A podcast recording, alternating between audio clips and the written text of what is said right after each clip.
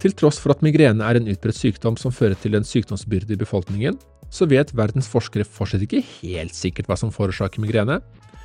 Det er fortsatt mange uløste spørsmål.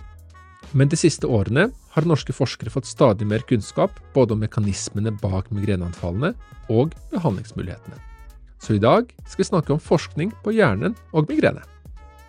Velkommen til Migrenepodden, podkasten for deg som har migrene, kjenner noen som har migrene, eller er interessert i hjernehelse generelt.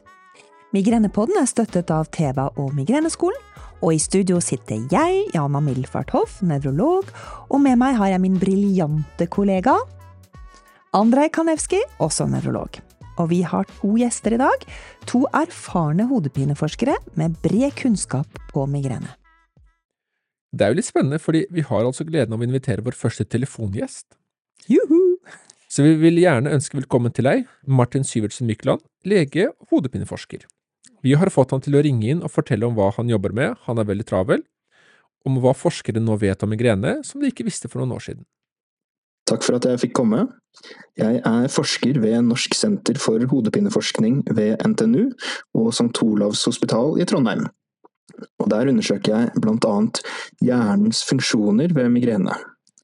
Siden tidlig på 2000-tallet har vi gjort undersøkelser av hjernen, og disse migrenefysiologistudiene har ledet til viktig innsikt i hva som foregår i hjernen før, under og etter migreneanfall. Så hvorfor, Martin, er denne forskningen viktig? Det er blant annet fordi når vi får bedre forståelse for hva som forårsaker de ulike hodepinetilstandene, så får vi viktig kunnskap som gir muligheten for bedre diagnostikk og mer målretta behandling. Migreneforskere har lenge vært usikre på hva migrene egentlig er. Men nå tror de fleste at migrene er en tilstand forårsaket av en feil i hjernen. Vanligvis vil hjernen kompensere fint for denne feilen, men av og til skjer det noe som gjør at den ikke får det til like godt, og da får du et migreneanfall. Når anfallet er ferdig, begynner hjernen å kompensere for feilen igjen, og slik er migrenehjernens syklus. Vi har jo snakket litt tidligere om hva migrene egentlig er, og litt om hva man har trodd det har vært tidligere. Hva sier forskningen nå? Vi har funnet ut mye nytt om migrene de siste 10-15 årene, og vi vet nå en del om hva som skjer når man har migrene, men vi vet ennå ikke så mye om hvorfor. Eh, hvis du har en migrenehjerne, har du en hjerne som ikke alltid er helt i balanse. Vi sier at migrenehjernen alltid er i en fase av migrene, og du kan ha forskjellige symptomer i hver fase. Mellomfasen, forfasen, hodepinefasen og etterfasen. Når vi sammenligner migrenehjerner med friske hjerner, ser vi at migrenehjerner bearbeider informasjon fra sansene på forskjellige måter i de ulike migrenefasene. I hodepinefasen, eksempel, kan mange oppleve at sanseinntrykk, som lyd og lys, gir ubehag og kan forverre andre anfallssymptomer. Man kan også oppleve at stimuli som vanligvis ikke er smertefullt, kan oppleves som smerte. Dette kan være for eksempel følelsen i huden når man grer håret eller dusjer. Vi har tidligere hatt en episode om søvn, Martin, og hvordan den kan påvirke migrene. Du og dine forskerkolleger i Trondheim har også gjort studier på søvn og fysiologien hos personer med migrene. Hva har dere oppdaget? Helt siden 1600-tallet har man observert hvordan søvn påvirker migrene, og hvordan migrene kan påvirke søvn. I dag vet vi at områder i hjernen som styrer kroppens søvnfunksjon, antageligvis også er involvert i sykdomsprosessene bak migrene. Kan du forklare litt mer om hvordan det henger sammen, for dette var ganske tungt stoff? I forfasen av et migreneanfall tror vi nå at en ubalanse i hjernen bygger seg opp, og at den muligens starter i et lite område dypt i hjernen som heter hypotalamus. Hypotalamus er et område som styrer søvnfunksjon og mange andre viktige funksjoner i kroppen, og som sannsynligvis bidrar til å forårsake symptomer som mange opplever i forfasen av et anfall. Det ser også ut til at søvnendringer kan påvirke risikoen for å utløse et anfall, og at forfasen av anfallet i seg selv kan gi endringer i søvn og andre søvnrelaterte symptomer, slik som økt gjesping. Når man har gått inn i et anfall, så observerer vi at det å sove tilstrekkelig kan være nødvendig for å opprettholde en normal funksjon i hjernen, og at det å sove hos noen faktisk kan avbryte eller forkorte et anfall. Vi ser også at mange har økt behov for søvn når de kommer inn i etterfasen av et anfall, og det er mulig at søvn i etterfasen trengs for å hjelpe hjernen tilbake i en mellomfase. Søvn og migrene er tydeligvis et stort og viktig tema. Da er det jo så bra, Andrei, at vi faktisk har en egen podkastepisode om søvn, og den kan være nyttig å få med seg for dere der ute. Og vi kunne pratet mye om søvn og migrenejern, Martin, men vi vet at uh, du er travel, og nå skal vi videre inn i forskningens verden. Tusen takk for praten, Martin. Takk for at jeg fikk komme. Vi er i en spennende tid hva gjelder hodepineforskning. Nylig ble det åpnet et forskningssenter for hodepine, nemlig Norsk senter for hodepineforskning, eller Norhed. Senteret skal være med på å bedre behandlingen av norske pasienter gjennom fremragende forskning, først og fremst ved å gjennomføre kliniske studier. Og vi er så heldige å ha med en av forskerne med oss i studioet i dag. Velkommen til oss, Tore. Takk for invitasjonen. Før vi starter opp på ordentlig, vil du fortelle oss litt om deg selv, Tore? Få prøve det, da. Mitt navn er Tore Meisingseth, ja, og jobber som overlege i klinikken på St. Olavs hospital. Driver og klør oss mye om dette nye journalsystemet for tiden, da. Og for øvrig så jobber jeg med hodepineforskning, og eh, har også en liten stilling som underviser på medisinstudiet. Spennende. Vi er heldige som har fått deg på besøk. For eh, Tore, du er jo invitert til oss, både fordi at vi og lytterne er veldig spente på hva som skjer innenfor migreneforskningen i dag. Eh, vi lurer på hva slags muligheter som ligger foran oss, både med tanke på bedre behandling, og også med tanke på helst da å kunne finne årsaken til at man får migrene, og forebygge. Men før vi går fremover, så tenker jo jeg, er ikke du enig, André, at vi bør gå litt bakover? Nemlig spørre Tore hva han mener har vært det viktigste innenfor migrenefeltet de siste årene. Mm. Ja, jeg får eh, ta utfordringen på strak arm, da. Det har skjedd mye, altså.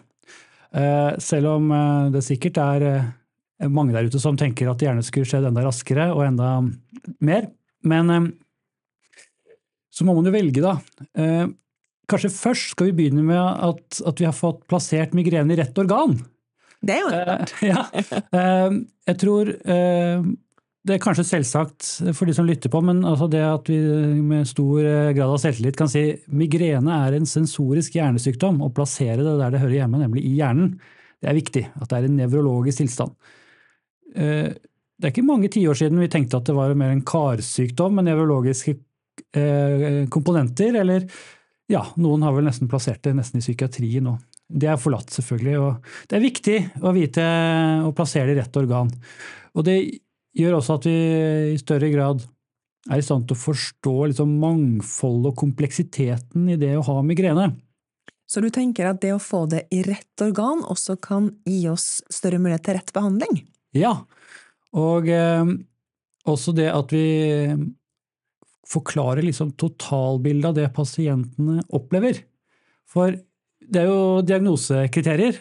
Vi, når vi setter diagnosen, så følger vi et sett med kriterier. og Det er jo informasjon vi henter fra pasientene. Ja, for Migrene er jo ikke noe vi kan se på bilder eller skjære opp en hjerne og se. Det er noe som øh, vi finner ut av bare ved å snakke med. Akkurat. så Det finnes ikke en blodprøve, det finnes ikke en eneste bildeundersøkelse som kan hjelpe oss. Av og til må vi ta blodprøver og bildeundersøkelser fordi vi lurer på om det kan være en såkalt sekundær årsak, altså noe annet som ligger til grunn. For Det finnes mange ting som kan etterape eh, migrenehodepine. Men det jeg var litt inne på, det er jo det at, at, at migrene er jo ja, det hører til hodepinetilstandene, men hodepine er bare ett av mange symptomer man har med migrene. Og det har fått plassert det på rett sted i hjernen, og også kanskje i rett sted i hjernen, hjelper oss med å sette ord på alle de tingene som faktisk pasienten som lider av dette, opplever. Mm. Så det, nå har vi fått det liksom på rett plass, og det tenker jeg jo er et skritt, sikkert andre er enig i òg. Men hva vil du si sånn behandlingsmessig har vært det, det største de siste årene? Ja, så da kommer jeg tilbake, liksom hodepinnen-nerden i meg, må liksom tilbake til eh, nevroanatomi, struktur, oppbygging. Da, at migrene det spiller på noen innebygde smertebaner i hjernen. Og, så det er ikke hele hjernen som er involvert, Eh, det er liksom noen sentrale deler da, som er implisert. Og, et, et, viktig gjennombrudd her var jo å forstå at et et spesielt signalmolekyl, et signalstoff. Hjernen er jo som alle andre deler av kroppen bygget opp av celler, og så er det signalstoffer mellom cellene som gjør at det er en aktivitet. Er, og, og et, et, av disse signalstoffene det, det, viser seg, altså det har jo mange funksjoner i hjernen, det, men, men det viser seg også å være veldig viktig i deler av dette smertebanenettverket da, som migrenen bruker for å lage, lage trøbbel. Da. Og eh, det er jo ikke så ny kunnskap, egentlig. da. Dette starta jo på 80-tallet. For å være litt sånn eh, patriotisk, så var det jo en, eh, det er en svensk forsker, da, Lars Edvinsson, som er en av de store navnene her. Da. Mange andre òg, men, han, han, Lars Edvinsson er særlig viktig. Og, men han jobba i Norge? Han jobba en, en liten periode i Norge, så det er det måtte vi få frem. da. Uh, en kritisk periode i karrieren hans, må vi tro. Og, og han har jo siden sammen med andre da, uh, vist at et, et, et, signalmolekyl er veldig sentralt i, i dannelsen av migrene og antagelig andre hodepinetilstander òg. Og oppe i Trondheim, da, -hmm. hvor jeg virker til vanlig, da, da, for å ta en historie, da var det jo en en overlege som nå har gått ut av tiden, da, men eh, de som jobbet og ble undervist av han, husker han jo, han Harald Schrader. Han var en stor personlighet, han. Mm. Absolutt, og han, øh, han skulle jo behandle blodtrykket sitt. Og starte opp et medikament for det. og så viste seg at, Vi vet egentlig ikke hvordan det gikk med blodtrykket, men vi vet at han ble kvitt migrenen sin. da. Og så ble det en forskningsaveny som har gitt et, et viktig supplement da, til, til, behandling av migrene. Litt sånn typisk lege, er det ikke det, å drive og behandle seg selv, men bra er det ikke. Så hvis det er noen leger som lytter på dette, ikke gjør det. men øh, så hvis en pasient med migrene går til legen sin, så kan det hende at øh, man får en blodtrykksmedisin eller en Eh, medisin mot depresjon eller mot noe annet, men det er jo nettopp fordi den skal virke mot migrene og ikke pga. en av de andre tilstandene. ikke sant? Ja, Der er du inne på noe som nærmer seg Er jeg for ung til å ha kjepphester, eller er det lov? Ja. Nei, du er eh, absolutt lov. Ja, for det, det, det, skjønner jeg jo at når du kommer som pasient da, skal ha hjelp for migrenen din, og så får du en blodtrykksmedisin, så skjønner jeg at det skurrer litt. da. Så jeg håper nå etter hvert at de kan akseptere at et medikament kan ha flere virkningsområder, da, og at, at, vi kaller det migrenemedisin når det skal brukes mot migrene. Mm. Men det er helt riktig at, at man har slett, oppdaget gjennom tilfeldigheter at dette legemiddelet det virker ikke bare på nyren eller på hvilket organ det måtte være, hjertet for et annet et, men det virker også på hjernen. Og da kan det både gi bivirkninger, men også virkning i form av redusert migrenehyppighet ved at det virker på hjernen. Det er veldig spennende. Jeg tror du, du, har hatt et ord på det, du, Tore. Du har kalt det for repurposing, er det ikke riktig? Ja, vi snakket om det her før sending. Ja. ja. ja jo, vi fant vel aldri det norske, gode norske ordet for det, da, men det er jo rett og slett det at Og det er en rekke eksempler fra andre deler av medisinen nå, at man, man finner andre bruksområder da, for medikamenter. og det gjør det jo litt lettere for en, da, for da kjenner man jo bivirkningsprofilen, risikoen, ved at det har vært et eh, legemiddel som har vært anvendt over tid. Og så kan man da fokusere på å studere effekten av det når man skal gjøre studier. Eh, og så er det viktig at, at vet, med, med de store liksom, fremskrittene i medisinen, så kommer det masse nye måter å og designe medikamenter. Mm -hmm. Vi skal jo litt inn på det på fun factsen, så vi må ikke si mer om det, men før vi tar fun facts Jeg gleder meg. Snart snakke litt om noen av de forskningsprosjektene på migrene du både nasjonalt og internasjonalt er med på, Tore. Og kanskje si litt om eh, det nye, store, fine hodepinesenteret Norhead eh, også. Gjerne det. Men eh, Janne skal først ta den faste spalten ting du ikke visste om migrene. Mhm. Du har noe du vil dele med oss i dag, kanskje, og det går rett og slett på hvor i verden det er mest migrene? Ja, det er det faktisk, for vi har jo snakket tidligere om at eh, hvilket kjønn du har, ser ut til å påvirke om du får migrene eller ikke. Det vil si at kvinner har mer migrene enn menn, og så har jo jeg da diskutert litt med deg, André, om det er fordi at menn liksom ikke har migrene i anførselstegn, at det kanskje er underdiagnostisert. Mm. Eh, men det kan også, eh, det hvor du bor, kan også påvirke om du får migrene eller ikke. Og da eh, ble det i hvert fall publisert en artikkel av en norsk forsker som heter Lars Jakob Stovner, en kjent norsk hodepineforsker da, Eh, og han tok utgangspunkt i WHO sin Global Burden of Disease, som er noe som Verdens helseorganisasjon eh, offentliggjør med, med jevne mellomrom for å vise hvilke sykdommer som er mest fremtredende i verden, og det har noe å si hvordan vi skal legge opp helsevesenet vårt. Og i hvert fall så skrev han da i 2016 at tallene viste at forekomsten av migrene var høyest i Italia og i Nepal. Hmm. Ok. Og da eh, vet man nok ikke helt hvorfor det var eh, slik. Eh, og man lurte på om det kunne ha med sosiale faktorer å gjøre. Og du vet, jeg satt jo der og tenkte da, Tore og Andrei, og liksom Italia, og de snakker jo høyt kanskje, og drikker mye rødvin og i det hele tatt. Eh, men så hadde du Nepal, som er et helt annet land. Og da vet jeg at du kanskje kan svare litt på det, da, men jeg kan si hva jeg tenkte, og så kommer du etterpå kanskje med noe helt annet, Tore. Men jeg tenkte jo at det er jo et eh, land som ligger veldig høyt på fattigdomsindeks, og hvor kanskje det med å, å overleve rett og slett er veldig stressfylt, og som gjør at, eh, at det å, å, å ha migrene blir noe som veldig mange har. Eh, det som var litt interessant, var at mens tendensen var litt mer tydelig i 2016, og jeg tenkte at ok, sånn er det å komme med en del teorier for meg sjøl, så var det litt skuffende at i 2022 av samme forfatter så ble det egentlig konkludert med at vi famler litt i blinde. Men Tore, Tore, du vet om hvorfor man tror at det er så mange som har migrene i Nepal? Ja, nei eh, Det er jo faktisk han godeste Lars Jakob Stovner da, og en annen Mathias Linde, en annen professor ved, eh, ved NTNU. Da. De, de, de, har jo sett litt på det her. og Det er jo faktisk sånn at både i Peru og i Nepal, avhengig av høyde over havet, så er det økt forekomst. altså De som lever sånn 2000 meter over havet der, tilsynelatende så, så er det noe som kan bidra til eh, til økt migrenehyppighet, da. Men nå må ikke dere komme med noen sånne oppfølgingsspørsmål om hvorfor. Det er litt uklart. Og, og, det er jo litt det der med at en artikkel sier, og så kommer en ny en. Det er jo litt sånn, man, det er jo det, sånn forskning virker, at man skal hele tiden være kritisk til det som er eh, For å bearbeide og bli bedre og, og, og presise. Og her, det er jo når man skal måle sånne ting, ikke sant. Ok, Hvordan stiller man diagnosen? Det er så mange aspekter da, som kan gjøre at sånne tall blir usikre. Så. Det, var, det var jo en periode man var så forbausa over at franskmenn var jo så sunne selv om de røykte og drakk og hva det var. Altså det franske paradoks. Ja, ja. ja. da fant man ut at de hadde bare ført dødeligheten sin helt feil Ja. eh, i mange år. Og det er jo også kanskje noe dette illustrerer. Dette kan jo skifte litt med tiden. Nå ble jeg litt skuffa. Men, men. men i hvert fall da så ser vi at migrene er en global sykdom som treffer alle land. Så det var vel egentlig fun factsen, eller kanskje ikke så fun, men veldig interessant i hvert fall i dag. Absolutt. Men hva foregår i- Norge da, Tore? Ja, i Norge altså, Igjen da, litt småpatriotisk, var det lov å være det? Jeg er i Ja. Bergen nå. Så, da, så, Kjør på! så, så du vet jo at uh, Norge har gjort mye bra. Danskene òg, og, og andre grupper også, ikke for å ikke underslå det. Men det har vært et uh, aktivt forskningsmiljø uh, på, på, på hodepine i lang tid. Um, og det er jo, skal vi nevne professor Skjort Ottar, unnskyld, Ottar Sjåstad, som gikk bort i, i, i fjor, da, i en alder av mange og 90. Mm. Som vel jeg tror han eh, Siste publikasjonen hans da var han 92 eller noe sånt. så han sendte ut da. Så han eh, viet hele livet sitt til dette her. og Gjorde virkelig eh, banebrytende arbeid. Beskrev nye hodepinetilstander. og Egentlig en utrolig karriere når man ser tilbake på det. Utrolig arbeidsinnsats han la ned. da.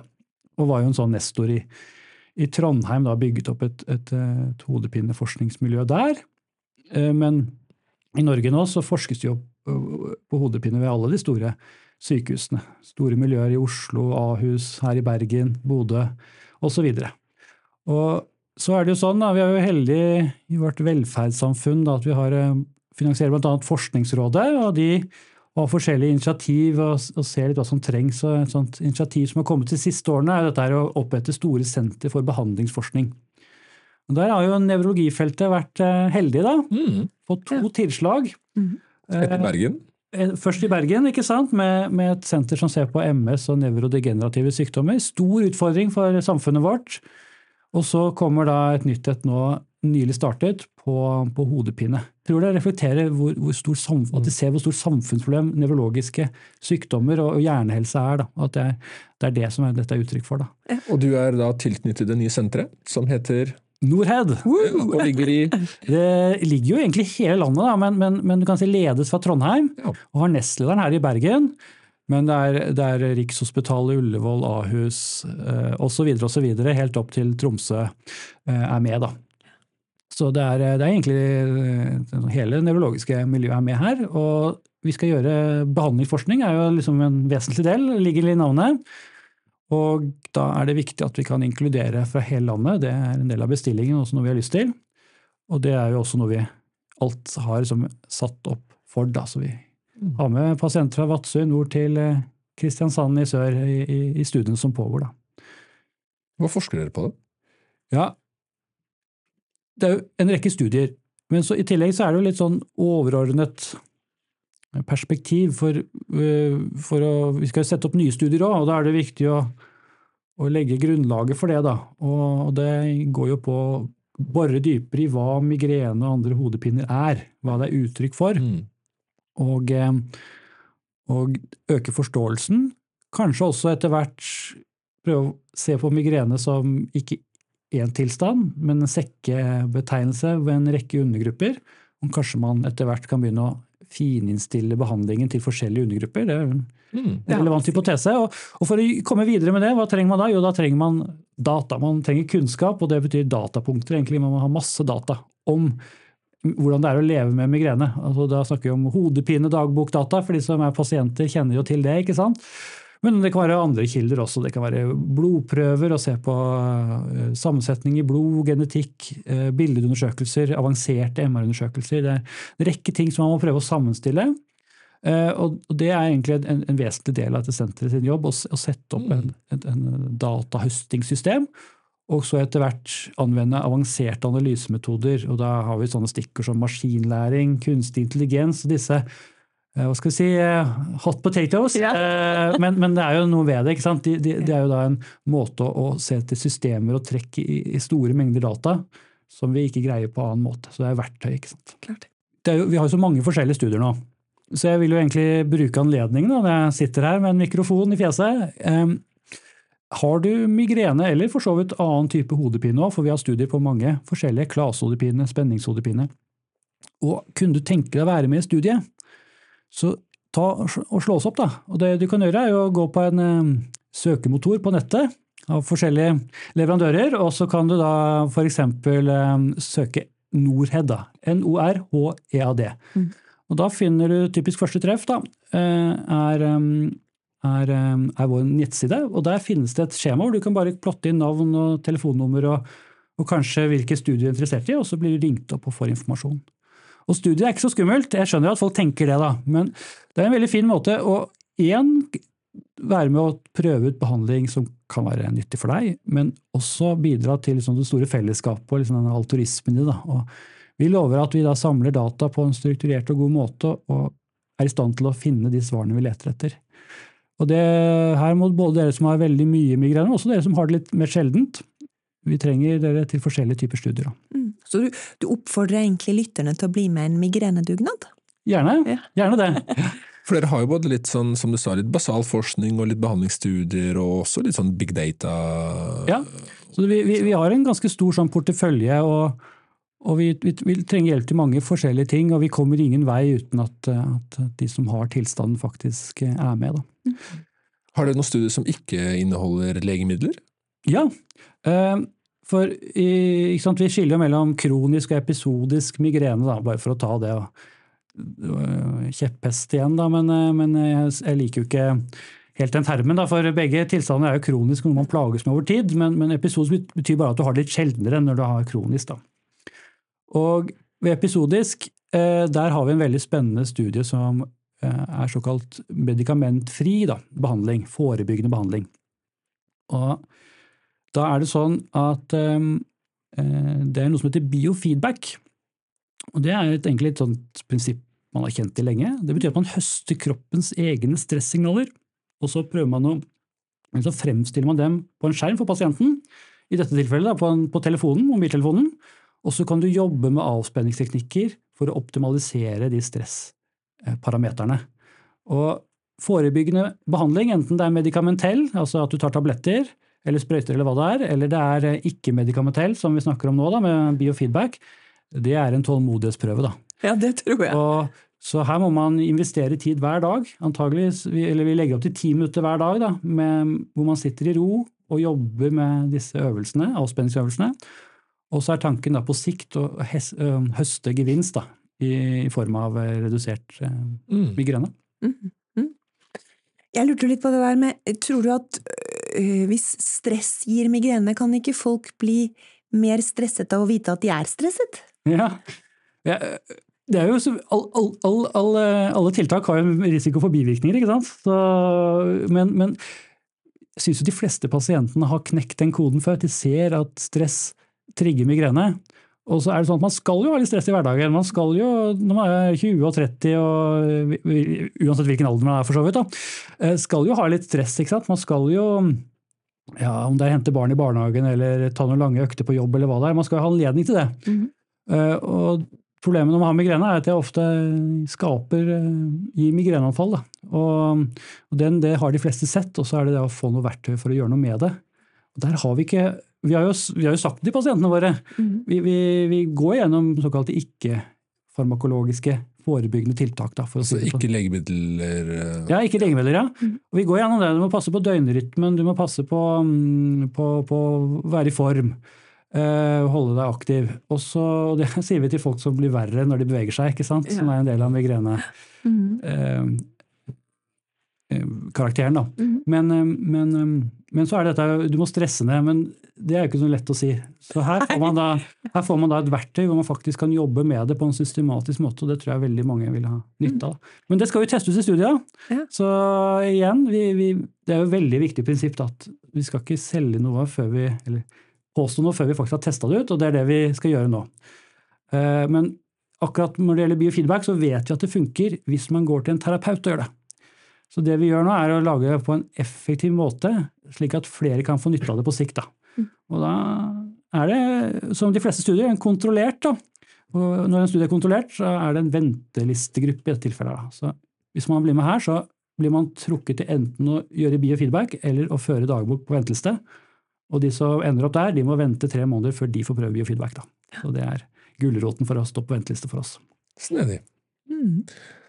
Ja, som en av Norges fremste migreneforskere kan vi sitere deg på at fremtiden ser bra ut for mennesker med migrene. Det høres ut som dere har veldig mye spennende på gang. Du skal få lov til å bruke sitatet om jeg er den fremste migreneforskeren. Det vil jeg jo eh, nøle litt ved. Da. Det var veldig hyggelig sagt, da. Jeg er veldig enig. Men jeg har fått lov å spørre om en ting til, André. fordi at vi vet jo at Tore er en habil musiker. Han er i hvert fall en veldig flink korsanger. Og vi vet jo også det at eh, noen uh, nevrologer blant annet har jo også sagt, altså Are Brean og Geir Olve Skeie, som begge to har en sterk tilknytning til musikk, sier jo det at musikk er god smertelindring. Så Tore, ut ifra din bakgrunn og også din hjerneforskerstilling, når kommer det studier på musikk og migrene? Ja, for jeg trodde du skulle si at det var pga. han operasang at det var så høy forekomst i Italia. Men eh, at vi måtte unngå musikk. Nei, du, du har helt eh, rett, ikke sant. Og dette spiller vi kanskje litt inn på det vi toucha ved i sted, ikke sant? dette med migrenegeneratoren. Nå ble det, nå et sånn langt resonnement igjen, da, men eh, du får unnskylde meg. men altså, vi, vi tenker at migrene starter dypt i hjernen, i et område som heter hypotalamus, for de som er interessert. Og dette området der er søvnsenter, det er appetittregulerende senter. Men det er også kobla til liksom den dype hjernen med, med, stress og følelser og alt dette her. Da. Og at, at med musikk, da, musikk man liker ikke, du vet jo, Migrenepasienter har jo ofte overfølsomhet for lyd, men noen syns det likevel er fint å høre på musikk. da. Og, og det å bruke sånn musikk som en slags sånn avslapping, stressmestrende eh, metode, kan sikkert ha veldig mye for seg.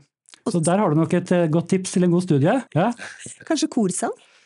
Ja, men um, Kanskje ikke operasang, da. Nei, kanskje ikke operasang. Dette høres veldig bra ut, Tore. Ja, Hva er det viktigste vi tar med oss i dag? Jeg syns det var veldig spennende å høre om migrenegeneratoren, og at vi nå har funnet den rette plassen for migrenen, nemlig at det er en hjernesykdom. Rutiner er bra, det var Tore innpå. både dette her med, med søvn og dette med stressmestring, og Norhed ønsker å hjelpe folk også med det. Og så tenker jeg også til slutt at det er ennå mye som er ugjort, men at Tore har gitt oss litt håp om at det er dyktige folk der ute som ønsker å gjøre noe med det. Stor takk til vår gjest, nevrolog og migreneforsker Tore Meisingseth. Da sier vi takk for oss her fra Migrenepodden for nå, og glem ikke å lytte på neste episode av Migrenepodden. Jeg gleder meg. Og hvis du som lytter lurer på noe mer, vil vite noe, så er det et fint sted å sjekke ut migreneskolen.no. Der kan du kanskje lære mer om migrene, du kan høre andres erfaringer om det å leve et liv med migrene, og kanskje også få flere verktøy som du kan ta med deg videre i livet, både for deg og for barnet ditt. Migrenepodden er utviklet med støtte fra TVA Norge og er en del av Migreneskolen, som består av en nettside, en Facebook-side, Instagram og magasinet Migrene. Informasjonen som gis i podkasten er av generell karakter og kan ikke erstatte legebesøk. Symptomer som nevnes her kan også være tegn på annen sykdom, så oppsøk legen din hvis du er usikker eller har spørsmål.